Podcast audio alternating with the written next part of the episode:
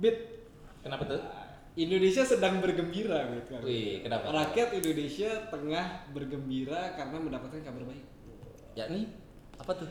Salah satu idola kita semua mendapatkan kabar gembira kalau diterima di dua sekolah yang sangat wah gila nih di dunia nih. Iya. Oh keterima, iya. di, keterima di UI ya? UI sama UGM. Wah. Keren keterima di sekolah RSBI. Sekolah resmi. Lu bercandaan 2000 2000-an banget tuh. Anak-anak sekarang nggak tahu harus. Oh, nggak tahu ya? Nggak tahu harus bi- Tawan umurnya. ya? Udah udah nangkep dong siapa? Iya. Siapa gitu? Ya pastilah kita, idola kita semua mau di Ayunda. Wih. Kita atas nama kontekstual mengucapkan eh, selamat dan semoga berhasil untuk mau di Ayunda untuk memilih Emang sekolahnya. emang milih-milih milih apa dia? Dia belum belum pilih juga. milih. Tadi update aja tuh katanya masih dilema antara Stanford dan Harvard itu. Oh, bukannya pilihan ketiga ada. Abid Adonis. Jadi buat kalian-kalian pendengar kontekstual konferensi ini nggak usah sok paten merasa keren, merasa gimana gimana. Anda nggak ada apa-apanya cuma di Ayunda. Nggak dan dan dan ya. gak cuman bergembira tapi ternyata yang gue gue tangkap fenomenanya di Twitter tuh juga ada yang eh, merasa resah gitu kenapa sih mau di Ayunda tuh di eh, dilulukan tuh di apa ya di terlalu di ah, terlalu lebay gitu mengucapkan selamatnya orang dia orang-orang privilege kok termasuk orang privilege gitu kan banyak kita kita ngelihat narasi-narasi di Twitter kan ah, akhirnya berantem nih yang dukung mau di Ayunda yang dukung gini gitu. Hmm. Tanggapan lu gimana, Bit? Wah, gua kalau jadi gini, ada tiga tiga golongan artis ya. Artis aja, artis sensasi, sama mau di Ayunda. jadi kelasnya berbeda. Kalau yang lain diomongin bebas lah, tapi kalau mau di Ayunda diomongin gua nggak Kan dia pinter. Mau, Iya. mau di Ayunda mendengarkan?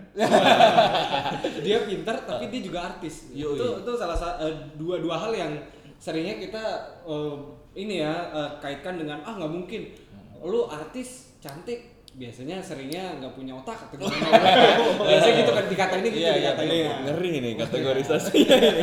atau atau juga ah lu pinteran pasti orang pinter jelek gitu biasanya kan gitu Oh, iya.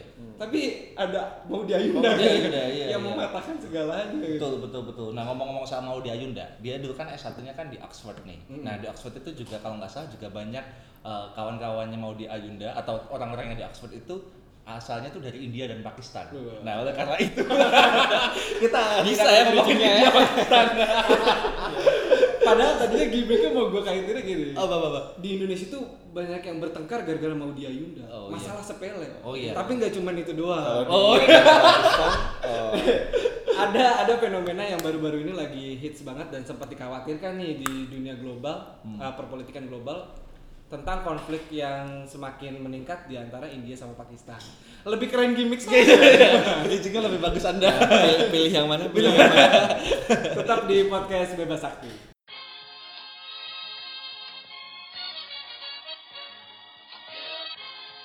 Sondern wir stapeln uns unseren Staat! Mr. Gorbachev, open this gate. Together, we will make America great again. Sudah cukup bagi kita untuk mengatakan bahwa winter is coming.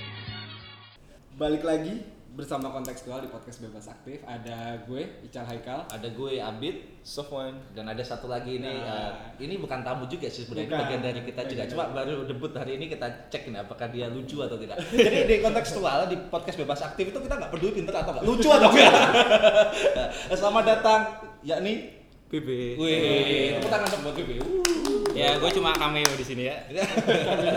iya. Oh ada Hafiz juga di sini. Ada Hafiz. tapi jadi sound engineer. Karena udah ada BB. oh iya ada BB betul, ya, kita lihat ya. Selamat datang BB apa kabar BB Ya, lumayan. Mas Afan gimana Mas Afan? Ya lumayan. lumayan. Iya iya Ngomong-ngomong tentang India Pakistan, eh, sebenarnya ini udah jadi apa ya pemberitaan yang terus-terusan ada karena konflik ini nggak nggak berhenti cuman sampai di tentang masalah perbatasan kah atau atau masalah agama dan lain sebagainya tapi udah merembet ke banyak hal yang kemudian menciptakan eh, situasi yang lebih kompleks. Tapi itu jadi kesukaan gue akhir-akhir ini ya. Kenapa? Buka buka berita eh, India Pakistan lalu ngecek eh, comment sectionnya itu. Wah, comment itu seru sectionnya banget tuh. Ternyata bisa mengalahkan keseruan cebong dan kampret. Wah seru juga ya. Iya, iya.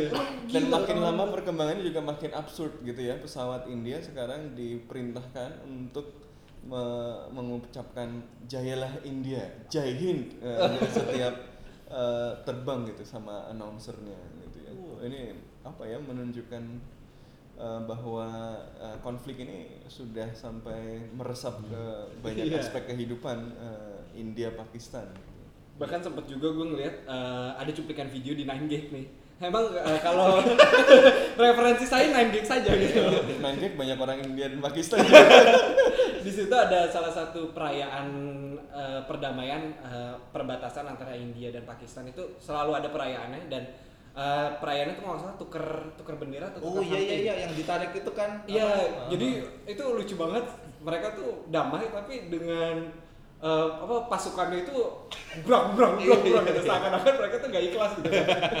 itu lebih seru dilihat daripada coba kampret bener kata Iya Mas benar tuh dan komentar-komentarnya di mana dan serunya enaknya kita bisa paham ada dua-duanya kan bisa bahasa Inggris nih orang Pakistan. Ya, dia kan bahasa Inggrisnya bagus-bagus. bahasa Inggrisnya bagus-bagus. Ah, Cebong kampret udahlah nggak bermutu nggak bisa bahasa Inggris. Aduh, mending India Pakistan.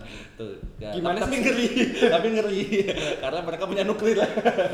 Justru ini yang bikin dramanya jadi lebih menarik gitu. Karena eh, feel-nya itu nyata gitu. Nah, ngomongin tentang India Pakistan eh, tadi kita udah jelasin gimana sih perkembangannya sekarang. Sebenarnya apa sih latar belakang daripada konflik India Pakistan ini? Iya. Ya, Mas Okan silakan. Apa dulu? yang namanya lebih cocok sama India. Sering joget-joget juga. Nah, seinget gue ya, jadi eh, India sama Pakistan ini kan bagikan mantan yang nggak akur-akur. Eh, ma- Mantan tapi jadi rival. Nah itu yang lebih. Iya, kayak enak. kemarin lagu pesannya Abid apa? Kalau I, love you but I moved on. kan? nah ini lagi I love you nggak I love you Iya, ya, iya. Eh, tapi nggak move on move on. Iya ini jadi berantem.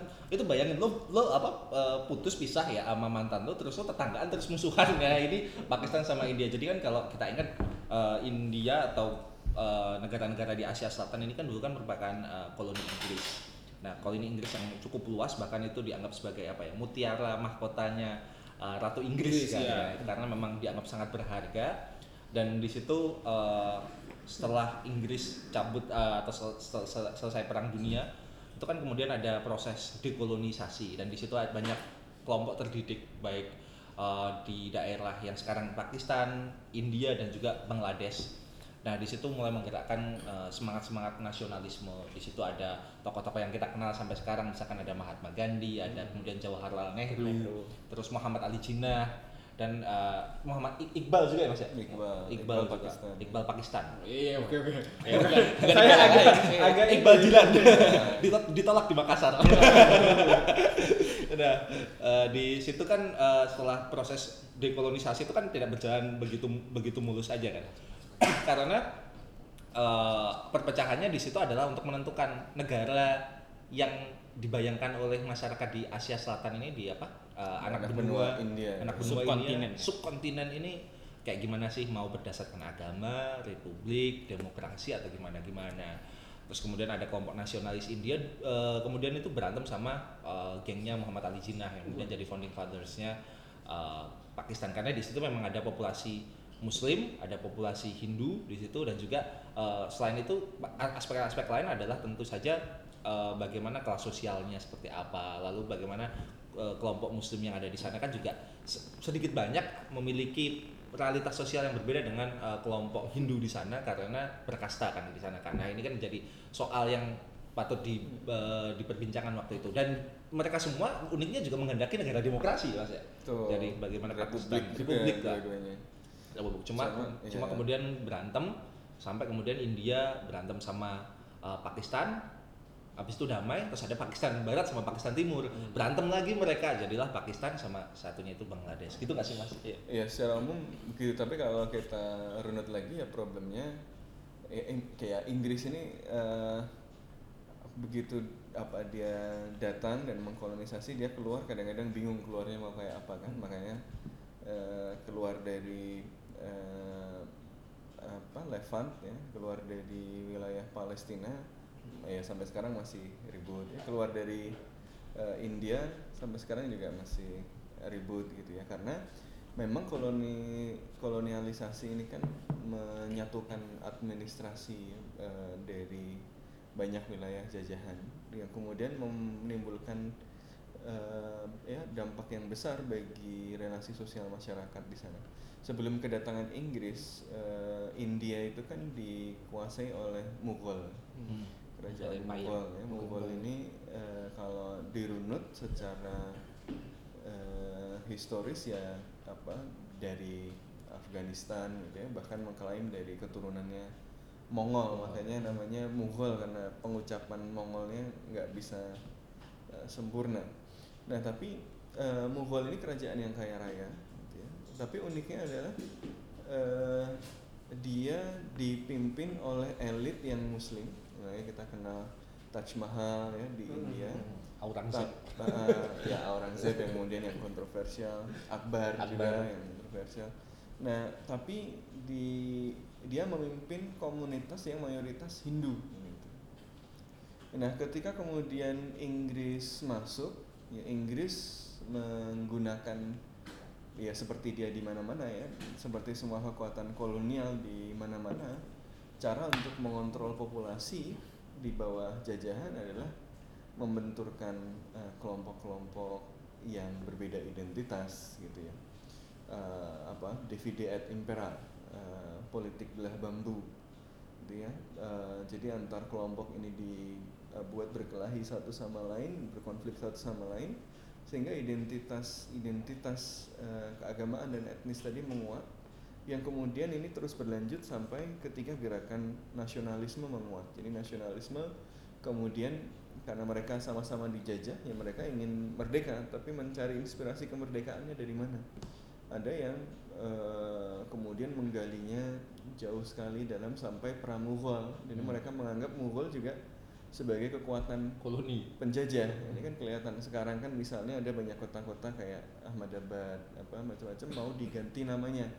Jadi nama sebelum Pramughal karena nama Mughal itu nama yang apa ya be- berbau Islam gitu ya. Yang bagi sebagian uh, sayap kanan Hindu uh, Hindutva Hindu India ini dianggap sebagai ya penjajahan gitu ya. Jadi eh, apa ya eh, divide et impera zaman Inggris ya, kemudian diinternalisasi oleh masyarakat jajahan bahkan ketika mereka berusaha untuk merdeka. Ya, ini memunculkan eh, keadaan yang yang rumit gitu menjelang kemerdekaan. Mereka sama-sama mau merdeka tapi pada saat yang bersamaan re- eh, relasi sosial yang dibayangkan juga berbeda. Orang-orang India jelas nggak mau eh, ketika merdeka kembali ke Mughal lagi. Hmm. lah nanti saya jadi kelas bawah lagi. Nanti yang berkuasa orang lain lagi orang-orang eh, Mughal itu yang identitasnya berbeda dengan saya gitu ya.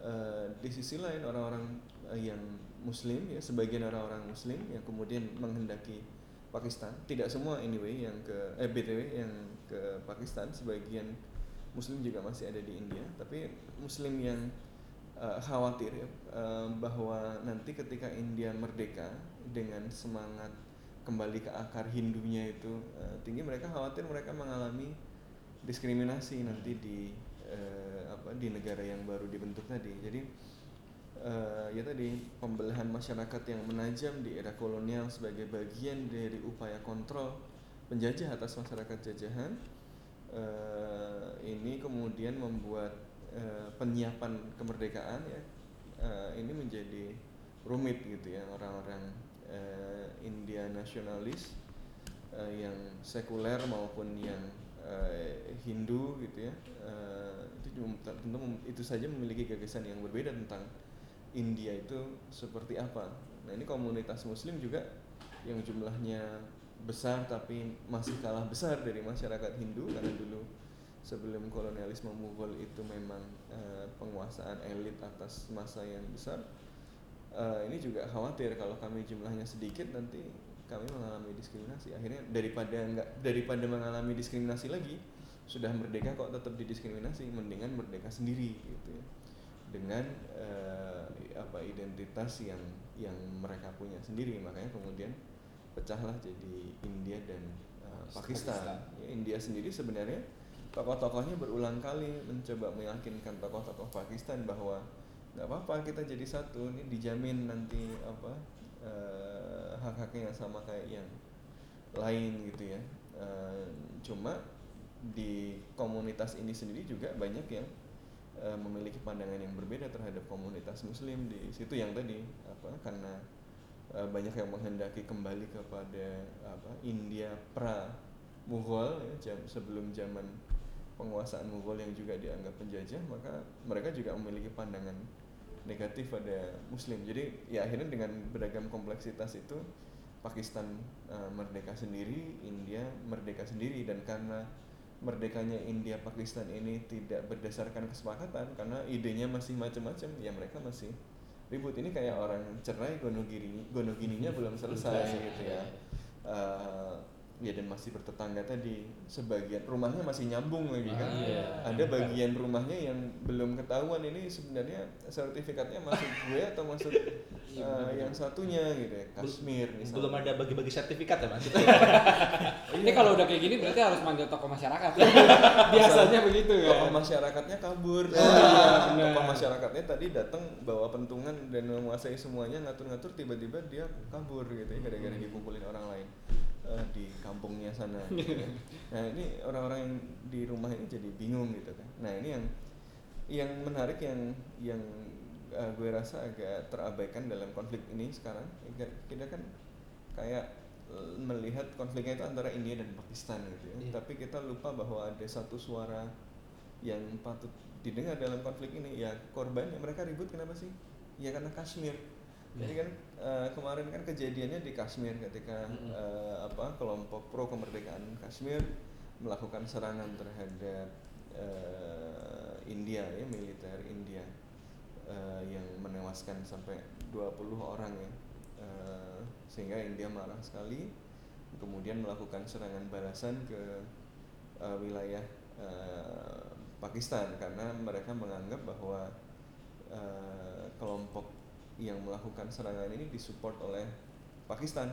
Pakistan menolak tuduhan itu dan kemudian merespon serangan India dengan menembak jatuh pesawatnya India itu yang apa kemudian eh, pilotnya ketangkep dan kemudian dilepas Iya. gitu sebagai eh, tawaran eh, Itikat baik. perdamaian gitu ya. ya tapi itu perang perang PR juga Iya. antara Iya. Pakistan dan India itu menunjukkan siapa yang sebenarnya ini kayak kayak chicken game siapa berani Bawang putih, bawang merah. siapa gitu. yang kalah siapa yang kelihatan eh, berwibawa ya, dan mengakhiri ini dengan eh, baik tapi yang menurut gue penting didengarkan ya bagaimana sih sebenarnya Kashmir itu sendiri ya, karena dia jadi wilayah yang nggak jelas eh, sebenarnya wilayahnya India atau Pakistan ah, bahkan eh, ingin merdeka sendiri gitu ya Eh, dua-duanya sama-sama India Pakistan sama-sama zero sum sama-sama nggak mau menyerahkan itu. Karena Kashmir ini wilayah yang kaya yang indah juga. Dulu penguasanya Muslim di situ eh, semacam pangerannya ya rajahnya itu Muslim. Tapi war- eh, warganya juga banyak yang Muslim tapi banyak juga yang eh, in- eh, Hindu. Maka kemudian India masih ingin wilayah itu. Sebaliknya eh, Pakistan juga ingin ya Kashmir sendiri sebagian ada yang ingin merdeka. Nah ini eh, ya karena sama-sama zero sum keduanya kemudian menggunakan kekuatan militer ya. Terutama di wilayah yang dikuasai oleh India eh, itu dikontrol dengan ketat ya macam Xinjiang lah kalau di eh, Cina ya. Eh, karena ya ini kan separatisme dianggap sebagai dianggap sebagai separatisme maka kontrolnya luar biasa. Yang kemudian membuat orang-orang Kashmir ini banyak yang merasa putus asa ya kemudian resorting to uh, violence gitu ya. Karena merasa ya gue nggak didengar satu-satunya cara gue didengar ya gue melawan gitu ya. Ya mungkin ini seperti juga yang terjadi di Papua dan di banyak tempat yang lain gitu ya. Memang kompleks gitu. Eh, yang yang ini semoga sih jadi momentum ya jangan sampai ini cuma jadi rame-rame lagi India dan Pakistan tapi kita abai pada ya akar masalahnya ini ya. Eh, Kashmir ini gimana solusinya gitu ya harus ada yang eh, apa memulai memperhatikan apakah kalau dibagi seperti apa tapi concernnya harus ya bagaimana penduduk Kashmir bisa hidup dengan tenang dengan baik lah Eh, menurut BB gimana tuh B? Yang buka kelas RSB ini gimana? ya ini ya memang sebenarnya Kashmir itu eh, dari dulu sampai sekarang tuh kayak flashpoint eh, dinamika di Asia Selatan gitu kan. Dari dulu dari sebelum era apa era kolonial sendiri Kashmir itu udah jadi daerah penting karena eh, dianggap sebagai eh, rumah bagi dewa Siwa kalau menurut agama Hindu. itu ya. Ya, jadi kenapa itu salah satu sebab kenapa di Kashmir banyak juga penganut eh, apa Sivaisme ya. apa, Iya, kayak pandit ya pandit Iya. Uh, dan di situ juga sempat uh, dipegang sama apa kekaisaran Sikh ya. Oh ada, oh iya ada kelompok Sikh kelompok juga. Ya? juga. Jadi memang kompleks, sejarahnya juga panjang. Ada kerajaan Buddhis juga pernah di situ, terus kemudian kesultanan Muslim juga pernah di situ. Sampai akhirnya terakhir ketika uh, Inggris masuk, uh, raja terakhirnya tuh ini uh, dari kelompok Sikh yang akhirnya mem- membentuk ya, iya Sikh. Sikh, membentuk relasi vasal sama uh, Inggris. Pada itu uh, dia diakui sebagai maharaja, uh, tapi punya apa istilah kayak jadi negara bonekanya Inggris. Dan itu ternyata pola-pola kayak gini sering digunakan Inggris di Betul. uh, subkontinen India lainnya gitu kan. Itu yang akhirnya jadi masalah kenapa ketika uh, yang kemudian memunculkan distrust antar Iya, kelompok masyarakat uh, dan waktu mau apa merdeka itu uh, negara-negara fasal ini kan jadi bingung mau ikut mana gitu kan. Jadi akhirnya ada yang uh, ikut Ali Jinnah yang Pakistan, ada yang ikut uh, India, kemudian ada yang uh, masih apa ya, mempunyai kehasratan untuk merdeka sendiri gitu. Salah satunya Kashmir gitu. Yang mana dia waktu ketika 1947 itu belum memilih mau ke mana arahnya gitu. Yang kemudian akhirnya eh, memunculkan konflik itu gitu. Bahkan sampai sekarang sebenarnya eh, Kashmir sebagai flashpoint dinamika di Asia Selatan ini juga ngaruh ke perkembangan regionalismenya kalau menurut saya sih. Karena apa eh, SARC, SARC itu kan Apa tuh SRC? Oh, apa tuh? Jelasin, jelasin ke masyarakat. itu apa ya istilahnya. ASEAN-nya Iya, Asia Selatan lah ya. Oh, iya. Ya, South- apa ya? South, South Asia Association for Regional Cooperation. Ah. Nggak lihat Google ini. ya itu gara-gara itu kan sebenarnya Trivian dia salah satu penyebab kenapa regionalisme di Asia Selatan tuh mandek gitu nggak berkembang ya karena konflik Kashmir juga. Aduh, ini lucu banget. Di studio ada konflik, ada ada yang menarik. Jadi untuk teman-teman yang dengar tadi itu ada bunyi, Konflik Kashmir itu ya. ada habis jatuh dari kursi, nggak ada apa-apa jatuh sedikit. iya, kena serangan pesawat ya. Ya ngomongin India Pakistan kita yang jatuh habis. Oke, lanjut. Lanjut Be. aduh, aduh lemes. Iya. Oh iya, jadi eh, itu jadi penghalang integrasi regional ya eh, ternyata ya. Eh, yang Nggak, ya, berarti berarti di sini yang jahat siapa? Yang jahat Yang jahat Inggris. Hei Inggris. Bikin masalah mulu ya. Kasihlah kita beasiswa. ya mungkin itu salah satunya. Eh, eh, tapi menariknya adalah sekarang itu kan yang paling eh, hangat kalau kita lihat hubungan antara India sama Pakistan. gue pernah ngobrol sama eh, kawan gue anak Pakistan. Dia bilang bahwa eh, sa- satu hal yang orang-orang lupa untuk pertimbangkan itu gak hanya soal politik aja. Kan orang sekarang banyak melihat bagaimana antara eh, Imran Khan eh, pemimpinnya Pakistan dengan Narendra Modi. Ya, Narendra Modi Imran Khan pemain itu. Kriket Kriket, kriket, iya. Eh, apa namanya kan kalau Narendra Modi kan kita tahu dia agak eh, ke kanan kananan nih. Terus eh, Imran Khan juga eh, cukup kuat di di Pakistannya sendiri dan apalagi dia juga dianggap sebagai rising eh, figure kan di sana kan tapi orang lupa bahwa selain dua orang itu yang paling berpengaruh juga dalam politik dan hubungan kedua negara adalah militer. Nah karena militernya juga masing-masing itu kuat. Satunya punya nuklir, dua-duanya punya nuklir ya. Iya. Nah dua-duanya punya nuklir dan ini menjadi sesuatu yang ngeri Betul. juga. Nah eh, aspek nuklir ini kan yang ditakutkan oleh masyarakat dunia ya mas ya. Hmm. Eh, jadi kalau sewaktu-waktu perang pasti ujung-ujungnya nuklir kan udah sama-sama nuklir. Gitu. Kalau Mas Sofan ngeliatnya gimana nih, mas? Kemungkinan perang itu bisa terjadi nggak sih? Iya, eh, jadi yang nyambung soal nuklir tadi ya. Nuklir ini kan sebenarnya sarana bagi Pakistan untuk eh, menyamakan kekuatan dengan India. Karena kalau dari segi kekuatan konvensional itu kan eh, relatif jauh ya kapasitas militernya. Tapi nuklir ini kan menghilangkan jarak itu, menghilangkan selisih itu dengan cepat ya. Eh, karena daya hancurnya yang luar biasa. Tapi pada saat yang bersamaan eh, nuklir ini kan kayak dia berguna untuk nakut-nakutin orang tapi kita sendiri takut sebenarnya pakai gitu. Eh, itu kayak monster yang eh, yang berguna untuk nakut-nakutin aja. Jadi kalau kita lepas kita juga bisa dimakan. Sama gitu. kayak ini mungkin kalau megang apa kembang api yang itu tuh Apa? apa sih? Apa sih yang yang, Slang yang door. roket roket. Iya, yang pecah roket. Sosdor. sosdor slang door anak-anak edgy sekarang tuh kalau foto di Instagram suka bikin nama atau apa pakai kembang api itu. Itu dia sebenarnya kan takut tuh. Pegangnya takut.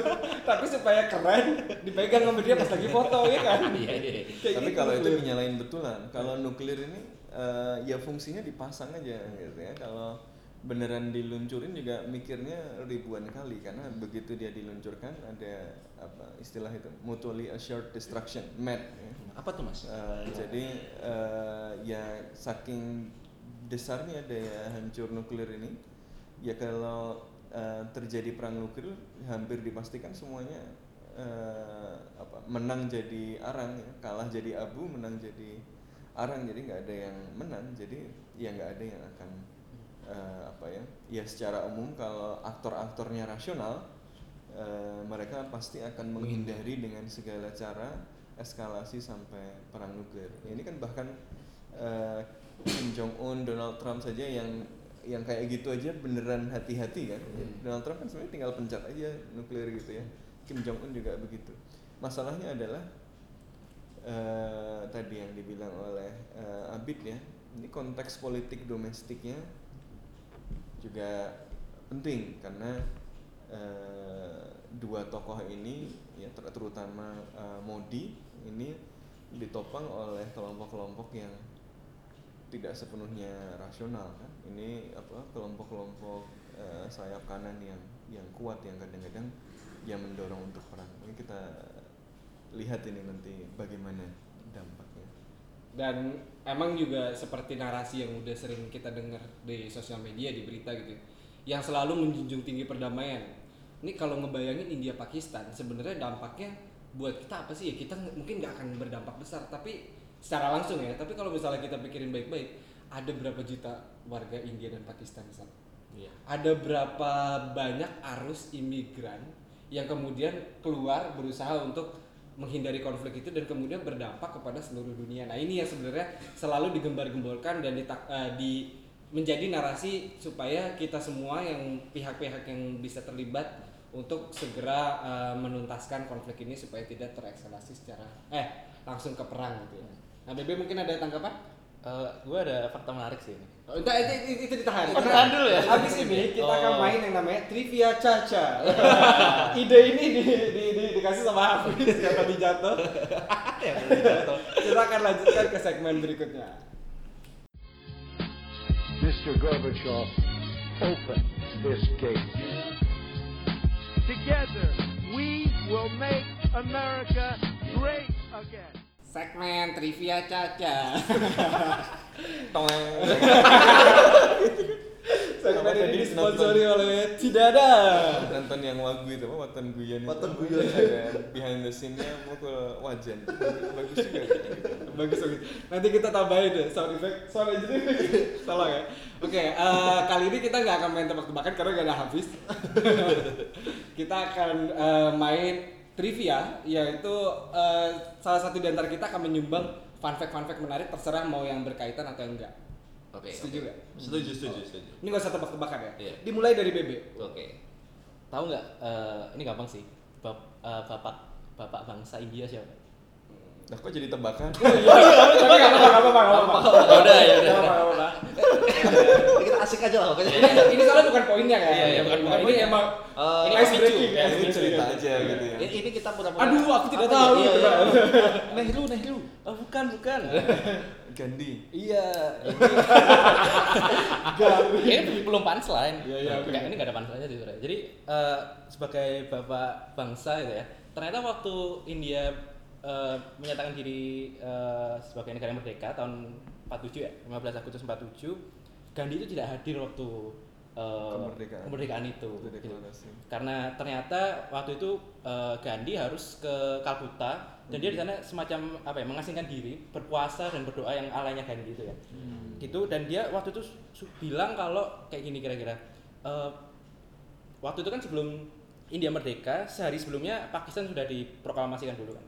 Lalu waktu di Kalkuta itu eh, dia berdoa dan berpuasa, lalu waktu ada yang tanya kenapa kok nggak nggak datang gitu, eh, si Gandhi bilang, eh, jadi per- eh, apa ya, freedom yang sekarang kita dapatkan ini apa sem- semacam semu gitu. Karena freedom yang kita dapatkan ini suatu hari nanti akan apa ya ada bibit apa menimbulkan bibit-bibit perpecahan antara Pakistan dan eh, India gitu. Jadi ternyata dari awal hari merdeka tuh Gandhi itu udah udah punya apa ya, wewe feeling kali ya. Kalau ini bakal hubungan ini bakal konfliktual terus gitu sampai detik ini. Wah iya iya. Dan dan Gandhi sendiri akhirnya meninggal dengan cukup menyedihkan ya kalau gua dengar ceritanya itu kan di dibunuh kan dia dia bukan meninggalnya nggak meninggal secara Ya, oleh kelompok radikal. ya kelompok radikal juga kan wah itu juga sedih juga ya tapi anak turunnya Gandhi kan kemudian menjadi pemimpin uh, Oh iya? bangsanya Ya, India ya kan ada Indira. Indira Gandhi Oh, Gandhi. Iya. Gitu menarik Ah, Wah, iya. menarik menarik Ri. Ada gunanya BB di Ada- Sebenarnya ada banyak fun fact loh tadi. Nanti Oh, nanti iya, iya. diceritain ya. Ada fun yang fact. lain gitu. Siap, Mas ada Mas ada fun fact menarik gak tentang terserah trivial trivial Iya, aja enggak boleh. Eh, enggak enggak enggak harus berkaitan sama itu. Iya. eh, Nggak ada. Mikir apa ya? Eh, nggak, Bolly- kalau India kan sebenarnya kita kenal Bollywood ya. Hmm. Eh, tapi sebenarnya eh, India itu industri filmnya nggak cuma Bollywood. Ya. Eh, ada eh, banyak industri film yang lain kan ada yang kan bahasanya macam-macam itu ya ada yang apa Tamil Malayalam gitu Oh, macam-macam iya. gitu. Dan itu berbeda sama Bollywood gitu ya. Iya itu berbeda kan kalau kita Bukan bawahnya gitu anaknya bukan.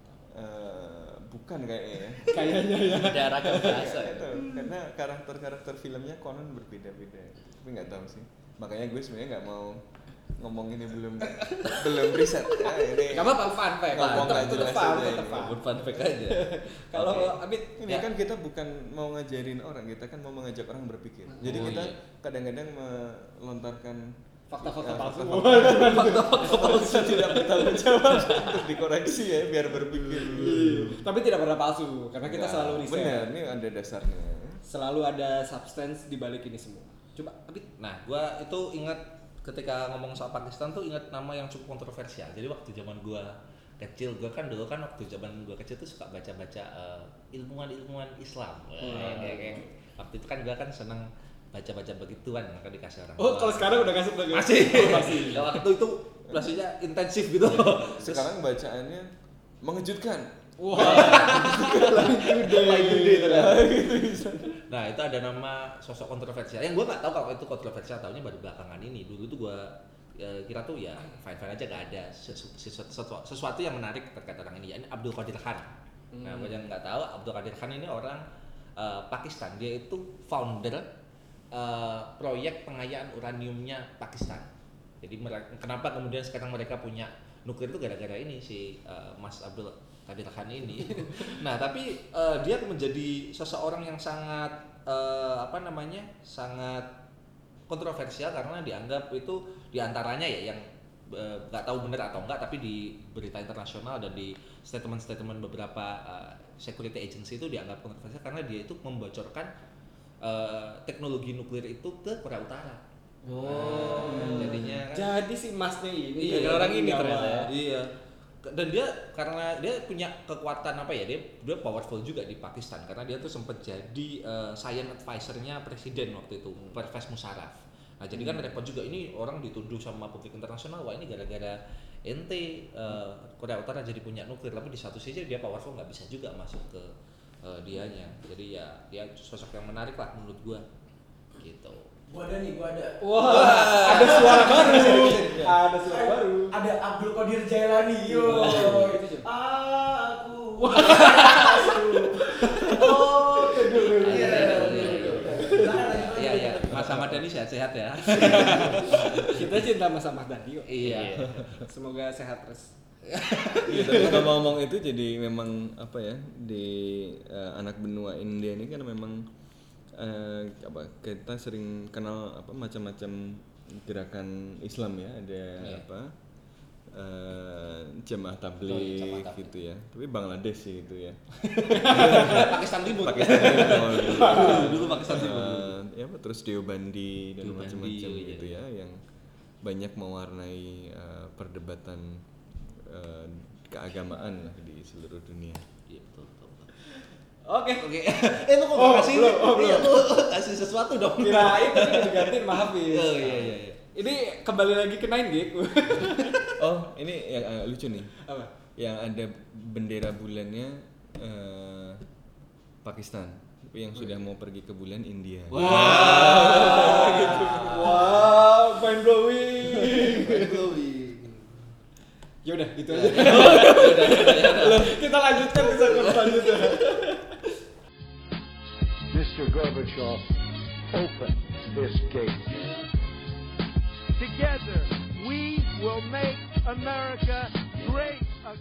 Oke, sekarang kita ngomongin soal kalau tadi kita ngomongin tentang India sama Pakistannya dan sedikit soal eh, Bangladesh ya. Sama kalau- Kashmir. Sama Kashmir lo ya, terutama Ya, Kashmir sebagai sih. sesuatu yang eh, apa memang bisa dilihat secara mandiri ya terpisah juga dari Iya itu. Sebelum nyem- nyemplung ke situ sebenarnya BB ada fun fact lagi. Lagi, apa Pakistan. nih?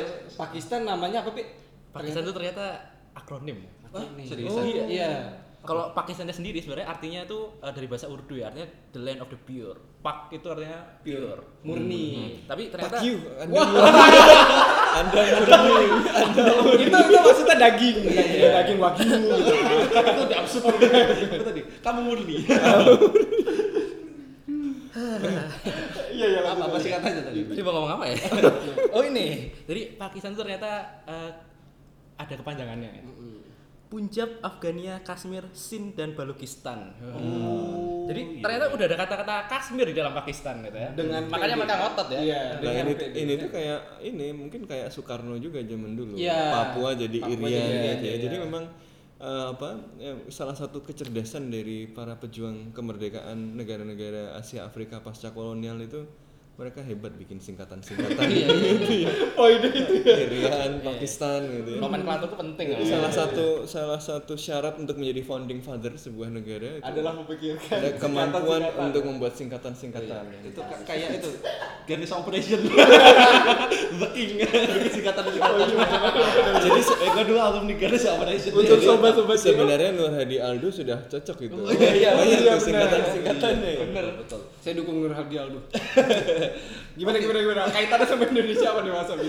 Eh, ya kaitannya sama Indonesia kan banyak orang kan mungkin nanya kenapa sih kita ngomongin eh, India Pakistan apa hubungannya sama kita mereka yang berantem kenapa kita ikut ngomongin ikut campur nah ini kan padahal penting juga karena eh, India sama Pakistan kan sama-sama sahabatnya Indonesia nih bestinya Betul. Indonesia kan dari zaman dulu tuh nah eh, kenapa sih mas eh, Indonesia tuh dianggap bestie sama mereka berdua Iya, eh, ya Indonesia kan bersama-sama dengan negara-negara eh, Asia Afrika, ya, termasuk India dan Pakistan yang menjadi motor bagi gerakan dekolonisasi di seluruh dunia ya, yang kemudian nanti eh, muncul dalam eh, konferensi Asia Afrika, konferensi eh, Bandung, ya, yang kemudian nanti muncul dalam gerakan non blok. Jadi memang eh, ya ikatan antara Indonesia dengan negara-negara Asia Selatan ini kuat gitu ya.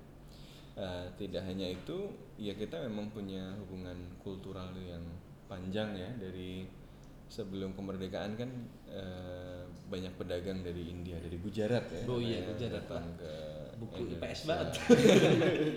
ya walaupun apa banyak versi-versi cerita yang lain tapi ya memang India dari dulu punya hubungan erat dengan Indonesia ya India dalam belum tentu merujuk kepada India modern gitu ya tapi anak benua India itu kan memang hubu- punya hubungan erat dengan Indonesia kan makanan-makanan eh, di Indonesia banyak dipengaruhi oleh eh, India dan seterusnya.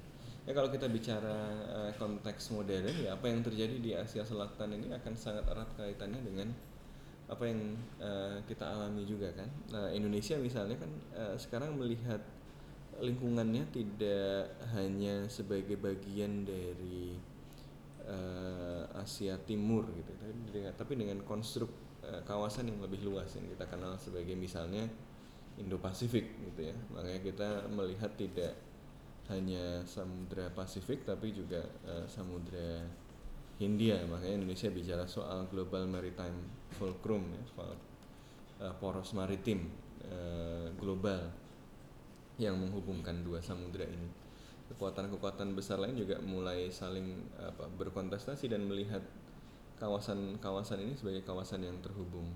Eh, kebangkitan Cina kebangkitan India ini ya pasti akan sangat berpengaruh pada eh, kita semua ya. Dia ini yang menarik.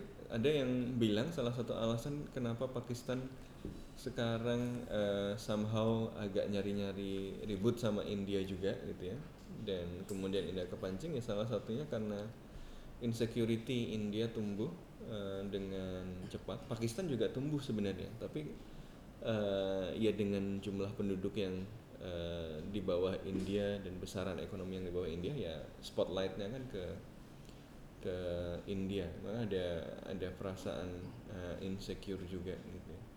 nah cuma bagi Indonesia dua negara ini dan khususnya kawasan Asia Selatan ini ini eh, apa potensi mitra yang belakangan ini semakin mendapatkan prioritas. Ya kemarin apa Presiden eh, Jokowi berkunjung ke Asia Selatan ya ke beberapa negara langsung. Karena melihat bahwa eh, Indonesia harus melakukan diversifikasi pasar. Selama ini kita cuma melihat ke arah Pasifik ya.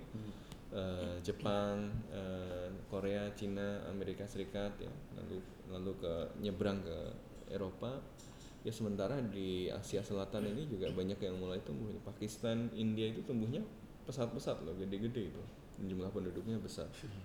Eh, makanya ya banyak yang mulai eh, upaya, upaya untuk membangun hubungan baik dengan mereka. Kalau India Pakistan ribut ya itu rugi juga buat kita kan? Ya, karena kita mau ekspansi eh, banyak kerjasama ke sana. Kalau eh, jadinya perang ya kita juga pasti terhambat juga upaya kerjasamanya Kalau menurut lo, Be, kenapa penting sih orang Indonesia eh, ikut mikirin urusan Pakistan sama India ini? Iya, lagi-lagi karena itu sih eh, yang tadi bilang Mas Sofan dan sebenarnya kalau Oh, ini lihat fact tren lagi, ini. Enggak juga. Masa gua fun fact mulu. Jadi kalau saya kita lihat eh, apa ya, tren atau orientasi kebijakan luar negeri Indonesia sekarang ini eh, apa ya, karena adanya diskursus Indo-Pasifik itu kita tuh lagi kembali ke ini era-era world view-nya era Soekarno. Jadi kalau kita dulu pernah tahu istilah ini dua kontinen dua samudera apa tuh? Iya, dua samudra, Iya, dua benua. posisi silang dan sebagainya. macam- Indo-Pasifik itu apa? Biar masyarakat ini juga Apa, Mas yang belum familiar.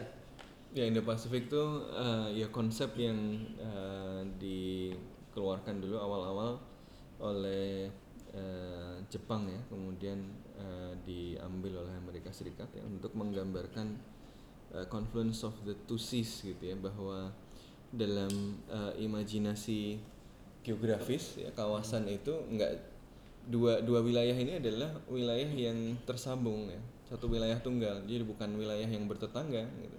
Eh, apa wilayah Pasifik dengan wilayah di sekitar Samudra Hindia tapi satu wilayah yang tidak bisa dipisahkan ya, jadi konstruknya namanya Indo Pasifik. Ya, melihat mereka melihat apa yang ada di sekeliling Samudra Hindia dan Samudra Pasifik sebagai satu kesatuan, yang tidak terpisahkan. Ya, jadi itulah apa eh, tren kita sekarang ini. Kalau gue waktu itu pernah baca bukunya Vivan Susiekar dia bilang kalau Pernah apa barusan? Lagi riset. Nah, ini ada hubungannya sama tugas akhir. Sa- sampai halaman berapa? Aduh. Jadi eh, tren eh, apa namanya hierarki prioritas kebijakan luar negeri Indonesia itu bisa dilihat secara eh, apa ya, konsentrik, lingkaran konsentris kayak konsepnya mandala kalau nggak tahu ya. Eh, Kautilia Iya, punya Kautilya itu salah satu layer terbarunya tapi mandalanya lain sih beda. Iya, ini beda. Eh, salah satu layer terbarunya dalam lingkaran konsentris itu ya Indo-Pasifik itu. Jadi negara-negara yang eh, apa ya, littoral state di Samudra Hindia. Itu itu yang akan jadi apa ya?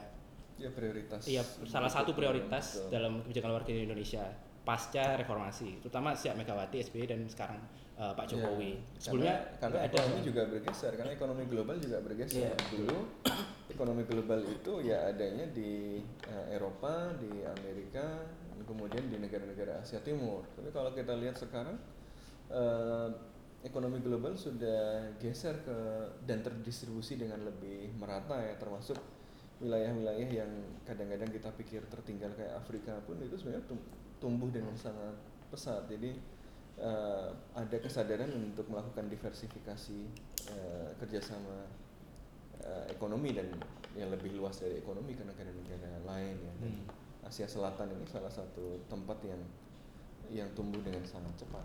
Dan yang pasti kalau misalkan India sama Pakistan perang, yang paling tersiksa itu adalah eh, para pecinta handphone di Indonesia, bro.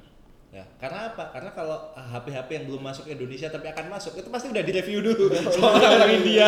Yang jelas gini, bahkan bahkan karya anak bangsa Wah, iya. itu dikelolanya sama bangsa India. Iya. Dan yang terluka Ini. seluruh dunia karena yang bikin tutorial siapa lagi? Kalau kita apa eh, lagi apa eh, beli produk dari Amerika gitu ya. Kalau ada masalah kita telepon call center yang jawab. pengalaman pribadi beberapa tahun yang lalu India. Ini menunjukkan memang ada apa shift ekonomi itu. Makanya memang India dan Pakistan, Asia Selatan secara umum adalah kawasan yang penting bagi ekonomi global ya dan apa yang terjadi di sana eh, sedikit banyak akan berpengaruh juga pada kita. Makanya walaupun eh, nggak berhubungan langsung sama kita ya, kita ya mari berdoa supaya ini tidak tereskalasi menjadi perang yang eh, menelan banyak korban. Dan buat antum anak-anak HI eh, harus penting nih India Pakistan ini karena kalau kita temukan di buku-buku apa sejarah dari SD kan. Kita tahu kalau misalnya salah satu diplomasi pertama Indonesia diplomasi beras Oh iya. 500 ribu ton Sultan Syahir mengirimkan ke India tahun 1946 jadi anak-anak HI harus peduli. Yoi. Eh, ada juga sih concern gue selain padahal gue baru tahu tadi. Anak-anak HI Ya, eh, ada juga sih concern gue karena ini kan mau tidak mau hubungan India Pakistan ini kan ada unsur saranya ya, ada unsur agamanya ya.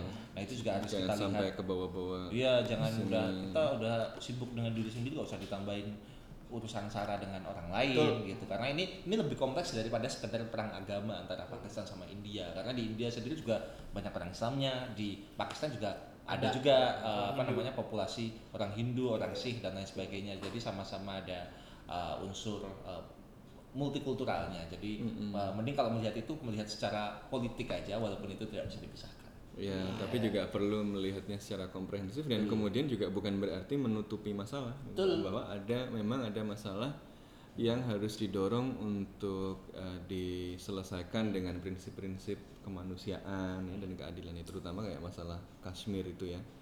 Eh, ya the plight of Kashmiris gitu Oh, ya. iya. Ini harus dilihat secara proporsional juga. pelajarannya kalau sama mantan tuh baik-baik aja lah udah Ya, iya tuh. dijaga hubungannya silaturahmi mah nggak salah gitu kan jangan ngungkit-ngungkit masa lalu Waduh. sakit Wih. apalagi kalau mantannya nggak jadi Ya, mantan saya calon kita mengulang pesannya Abid lah.